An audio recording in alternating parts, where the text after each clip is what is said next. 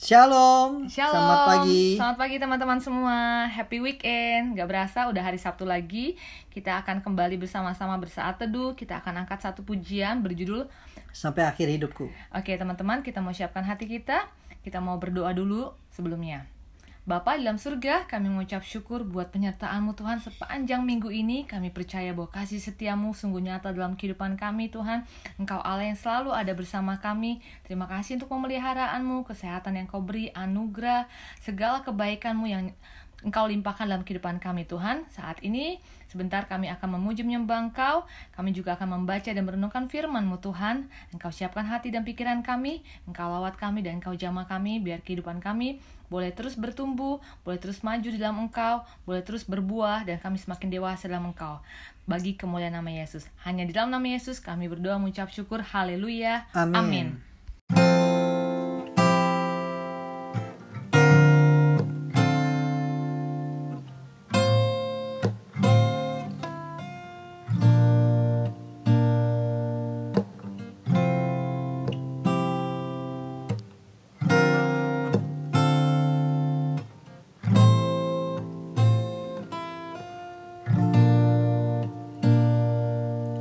Bapa, engkau mengenalku lebih dari siapa pun.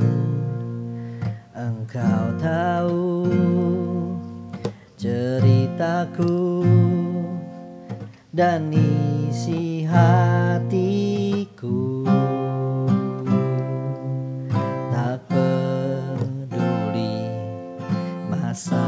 Lalu Engkau tetap memiliku Ubahkanku Sempurnakan Jadi karya yang indah. Kini aku percaya Tiada yang mustahil bagimu Kuasamu kuatkanku Dasarku berharap Kini aku berserah pada rancanganmu. Bagiku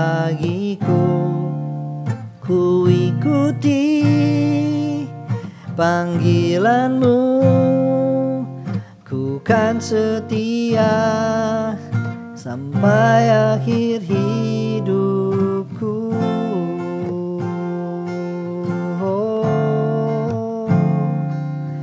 Ku ikuti panggilanmu. Ku kan setia sampai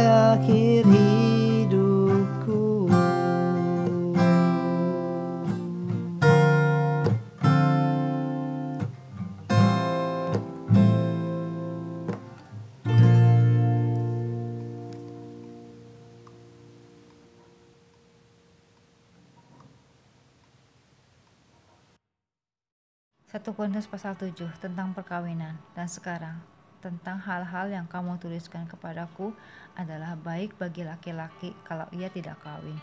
Tapi mengingat bahaya percabulan baiklah setiap laki-laki mempunyai istrinya sendiri dan setiap perempuan mempunyai suaminya sendiri. Hendaklah suami memenuhi kewajibannya terhadap istrinya. Demikian pula istri terhadap suaminya Istri tidak berkuasa atas tubuhnya sendiri, tetapi suaminya. Demikian pula suami tidak berkuasa atas tubuhnya sendiri, tetapi istrinya. Janganlah kamu saling menjauhi, kecuali dengan persetujuan bersama-sama untuk sementara waktu, supaya kamu mendapat kesempatan untuk berdoa. Sesudah itu hendaklah kamu kembali hidup bersama-sama, supaya iblis jangan menggodai kamu, karena kamu tidak tahan bertarak. Hal ini kukatakan kepadamu sebagai kelonggaran, bukan sebagai perintah. Namun demikian, alangkah baiknya kalau semua orang seperti aku, tapi setiap orang menerima dari Allah karunia-Nya yang khas, yang seorang karunia yang ini, yang lain karunia itu. tetapi kepada orang-orang yang tidak kawin dan kepada janda-janda aku anjurkan, supaya baiklah mereka tinggal dalam keadaan seperti aku. Tetapi kalau mereka tidak dapat menguasai diri, baiklah mereka kawin, sebab lebih baik kawin daripada hangus karena hawa nafsu kepada orang-orang yang telah kawin. Aku tidak, bukan aku, tetapi Tuhan perintahkan supaya seorang istri tidak boleh menceraikan suaminya, dan jikalau ia bercerai, ia harus tetap hidup tanpa suami atau berdamai dengan suaminya. Dan seorang suami tidak boleh menceraikan istrinya. Kepada orang-orang lain, aku bukan Tuhan, katakan. Kalau ada seorang saudara beristrikan seorang yang tidak beriman dan perempuan itu mau hidup bersama-sama dengan dia, janganlah saudara itu menceraikan dia. Dan kalau ada seorang istri bersuamikan seorang yang tidak beriman dan laki-laki itu mau hidup bersama-sama dengan dia, janganlah ia menceraikan laki-laki itu. Karena suami yang tidak beriman itu dikuduskan oleh istrinya, dan istri yang tidak beriman itu dikuduskan oleh suaminya. Andai kata tidak, niscaya anak-anakmu adalah anak cemar, dan sekarang mereka adalah anak kudus. Tetapi kalau orang yang tidak beriman itu mau bercerai, biarlah dia bercerai. Dalam hal yang demikian, saudara atau saudari tidak terikat. Tetapi Allah memanggil kamu untuk hidup dalam damai sejahtera. Sebab bagaimanakah engkau mengetahui, hai istri, apakah engkau tidak akan menyelamatkan suamimu? Atau bagaimanakah engkau mengetahui, hai suami, apakah engkau tidak akan menyelamatkan istrimu? Hidup dalam keadilan seperti waktu dipanggil Allah. Selanjutnya, hendaklah tiap-tiap orang tetap hidup seperti yang telah ditentukan Tuhan baginya, dan dalam keadaan seperti waktu ia dipanggil Allah. Inilah ketetapan yang kuberikan kepada semua jemaat. Kalau seorang dipanggil dalam keadaan bersunat, janganlah ia berusaha meniadakan tanda-tanda sunat itu dan kalau seorang dipanggil dalam keadaan tidak bersunat, janganlah ia mau bersunat. Sebab bersunat atau tidak bersunat tidak penting. Yang penting ialah mentaati hukum-hukum Allah. Baiklah tiap-tiap orang tinggal dalam keadaan seperti waktu ia dipanggil Allah. Adakah engkau hamba waktu engkau dipanggil? Itu tidak apa-apa. Tetapi jikalau engkau mendapat kesempatan untuk dibebaskan, pergunakanlah kesempatan itu. Sebab seorang hamba yang dipanggil oleh Tuhan dalam pelayanannya adalah orang bebas, milik Tuhan. Demikian pula orang bebas yang dipanggil Kristus adalah hambanya. Kamu telah dibeli dan harganya telah lunas dibayar. Karena itu janganlah kamu menjadi hamba manusia.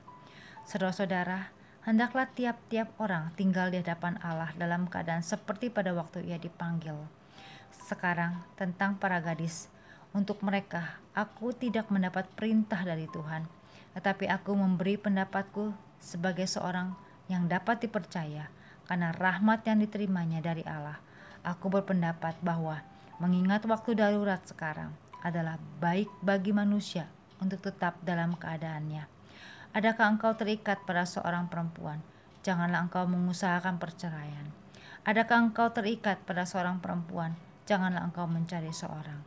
Tetapi kalau engkau kawin, engkau tidak berdosa dan kalau seorang gadis kawin, ia tidak berbuat dosa. Tetapi orang-orang yang demikian akan ditimpa kesusahan badani, dan aku menghindarkan kamu dari sesuatu itu. Saudara-saudara, inilah yang aku maksud, yaitu waktu telah singkat. Karena itu, dalam waktu yang masih sisa ini, orang-orang yang beristri harus berlaku seolah-olah mereka tidak beristri. Dan orang-orang yang menangis seolah-olah tidak menangis dan orang-orang yang bergembira seolah-olah tidak bergembira, dan orang-orang yang membeli seolah-olah tidak memiliki apa yang mereka beli. Pendeknya, orang-orang yang mempergunakan barang-barang duniawi seolah-olah sama sekali tidak mempergunakannya. Sebab dunia seperti yang kita kenal sekarang akan berlalu.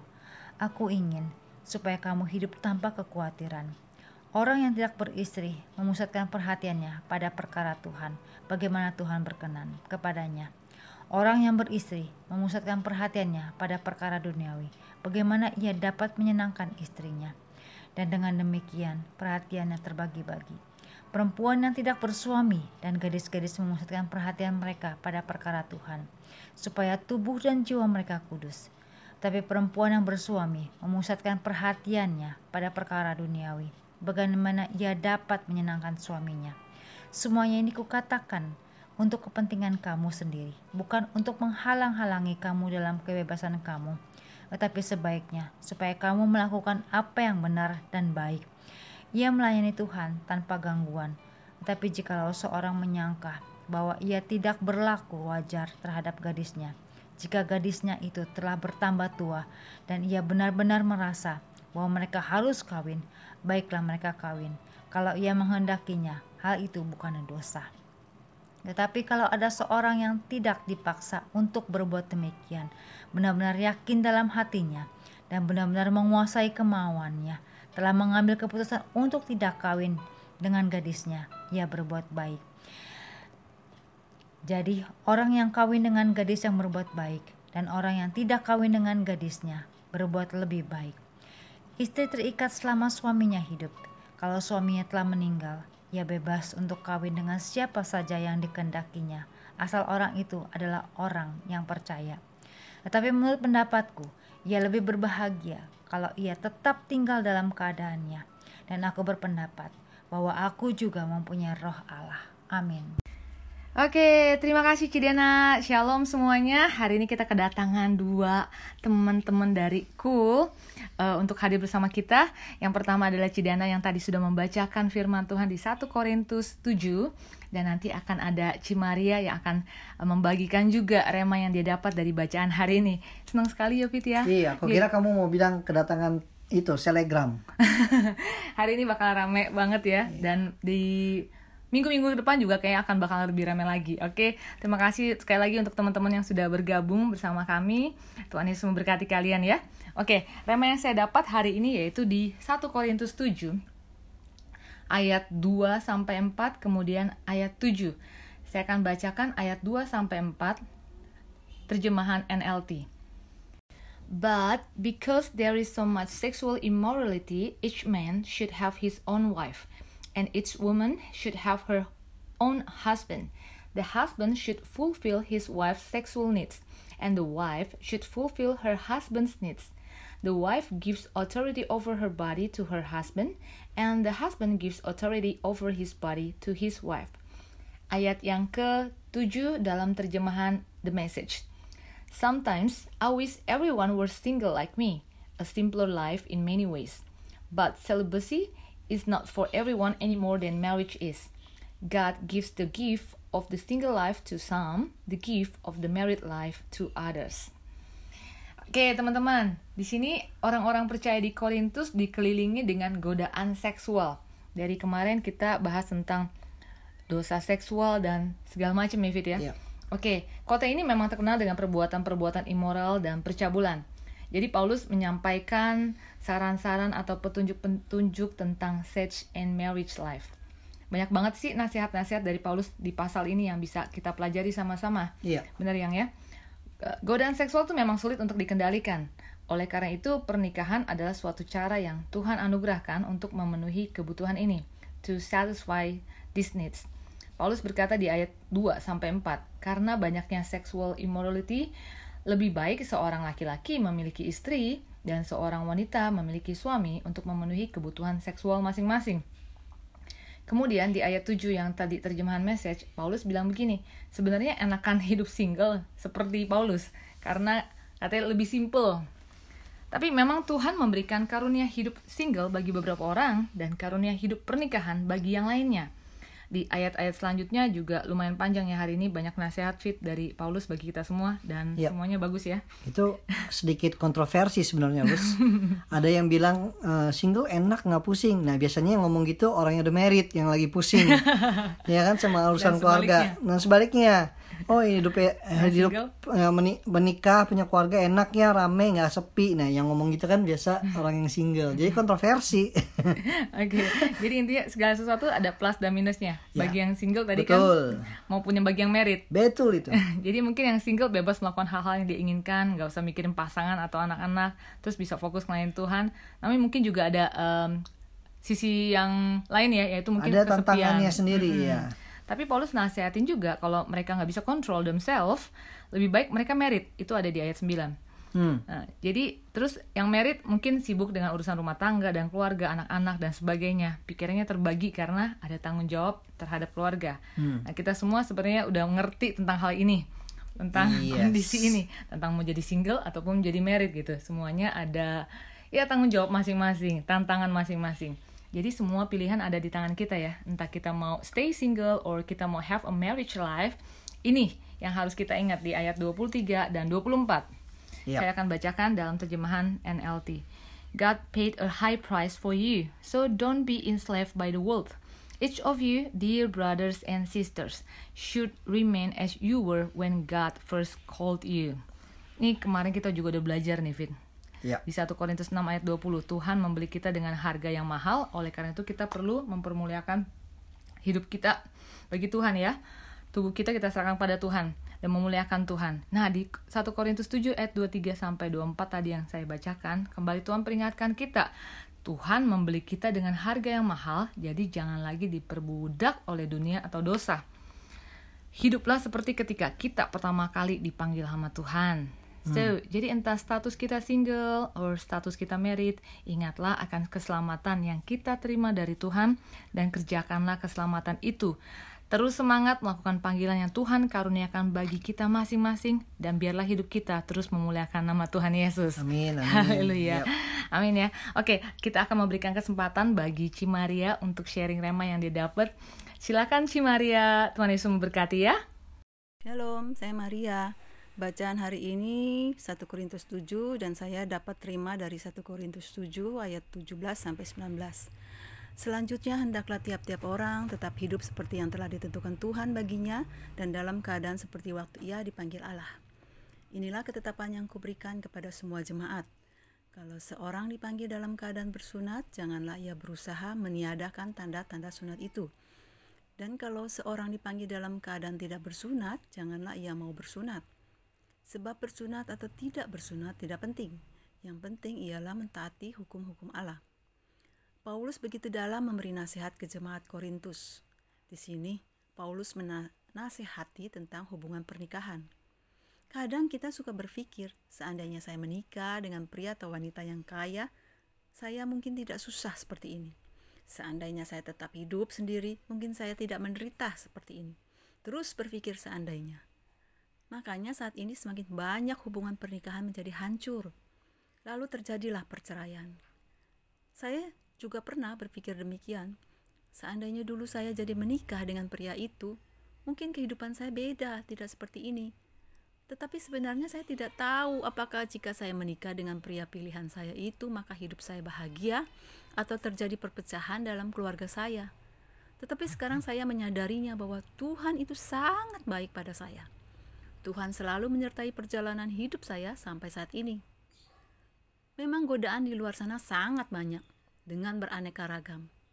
Tetapi jika kita hidup berpegang pada perintah Tuhan serta taat menjalankan hukum Tuhan, maka roh yang ada dalam diri kita akan mengingatkan jika kita punya pemikiran tentang hal-hal jahat seperti percabulan. Jika kita memang hidup sendiri, tidak menikah, biarlah kita tetap hidup kudus sesuai panggilan Tuhan. Untuk yang menikah, jagalah kekudusan hubungan pernikahan itu. Sampai saatnya tiba Tuhan memanggil kita semua dan kita didapati tetap setia pada Tuhan Yesus. Sampai kita layak masuk dalam buku kehidupan Tuhan. Terima kasih. Amin. Wow, luar biasa. Thank you ya Cimaria untuk Thank saksiannya. you, Cimaria. Untuk sharingnya ya. Untuk sharingnya luar biasa. Eh, sangat memberkati.